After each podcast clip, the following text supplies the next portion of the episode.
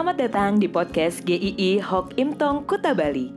Penginjil Ray Reginaldi akan membagikan renungan harian singkat untuk membawa Anda mengenal dan menyembah Tuhan Yesus, bertumbuh dan menjadi murid Kristus, serta berdampak untuk banyak orang.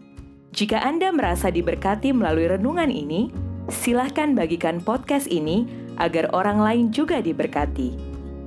Inilah renungan hari ini.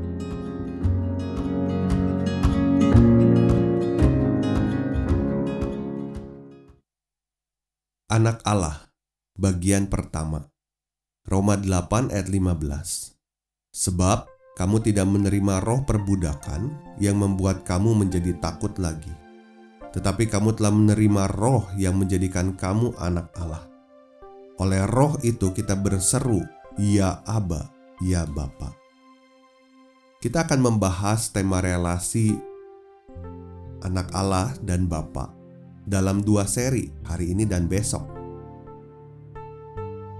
Jika saya sedang santai bersama anak-anak saya, saya suka menanyakan kepada anak-anak, "Menurut kalian, papa itu seperti apa sih? Apa yang kalian suka dari papa dan apa yang kalian gak suka?" Lalu mereka menyebutkan apa yang disuka dari saya, dan tibalah waktunya mereka juga menyebutkan apa yang gak disuka dari saya. Yang gak disukanya, mereka kompak menjawab, "Kalau papa marah, kalau kita lagi dihukum." Waktu saya mempersiapkan ini, saya juga bertanya, Bapak seperti apa yang dikenal oleh orang Kristen yang disebut anak-anak Tuhan? Apakah ini hubungan yang biasa-biasa saja? Seperti apa pribadi Allah Bapa di mata anak-anak Tuhan? Sayang sekali jika anak-anak Tuhan banyak yang hidup seperti tidak memiliki Bapa di surga. Atau sayang sekali jika anak-anak Tuhan tidak begitu mengenal Bapa di surga. Kalau anak-anak Tuhan memahami relasi dengan Bapa itu tidak ada duanya, maka cara menjalani kehidupan pun akan berbeda. Firman Tuhan mengatakan, "Sebab kamu tidak menerima roh perbudakan yang membuat kamu menjadi takut lagi, tetapi kamu telah menerima roh yang menjadikan kamu anak Allah." Jika di dalam bahasa aslinya menjadikan kamu anak Allah, berarti kita diadopsi menjadi anak Allah.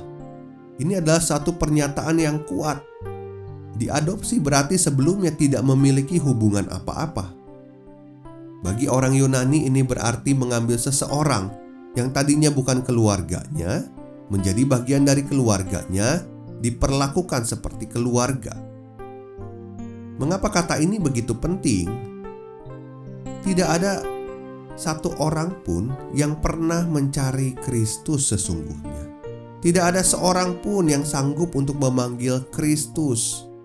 Diadopsi Allah artinya bukan inisiatif dari kita, tetapi inisiatif Allah yang telah memilih kita karena ketidakmampuan kita di dalam keberdosaan ini.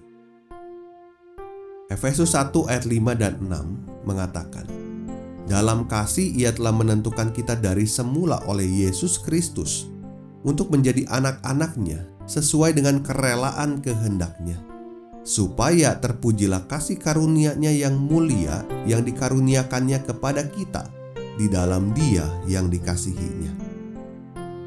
Firman Tuhan mengatakan ia menentukan kita dari semula oleh Yesus Kristus untuk menjadi anak-anaknya. Wah ini satu berita yang sangat indah, menghiburkan, menguatkan. Dari semula berarti kita diadopsi bahkan sebelum kita dilahirkan sebelum kita mengerti apa pun, sebelum kita bisa melakukan apa pun juga. Juga yang sangat menggetarkan hati adalah sekalipun Tuhan tahu bahwa kita akan mengecewakan dan menyakiti Dia ketika kita sudah ditebusnya. Dia pun tetap mengangkat kita, memilih kita menjadi anaknya. Bapa yang kekal menyelamatkan sejak dari semula Indahnya adalah seluruh orang percaya, orang yang sungguh-sungguh percaya kepada Tuhan Yesus, mempunyai Bapa di surga. Ada relasi yang sudah diberikan yang begitu dekat dan indah. Kita tidak menjadi anak-anak Allah karena inisiatif yang berasal dari kita. Saat kita tidak berdaya di dalam dosa, Allah telah merencanakan dan sudah merencanakan penyelamatan atas kita. Bukan kita yang datang kepada Allah, Dialah yang datang untuk setiap kita. Dia yang mengejar kita untuk mendapatkan kita. Dia yang memberikan dirinya supaya bisa memegang kita. Jadi kita adalah anak-anak Bapa di surga karena kasih karunia. Ini hubungan yang tidak bisa dibayar oleh apa pun. Hubungan kasih yang begitu dalam. Dan tidak ada yang dapat memisahkan Anda, yaitu anak-anak Tuhan dan saya juga, dengan Bapa di surga.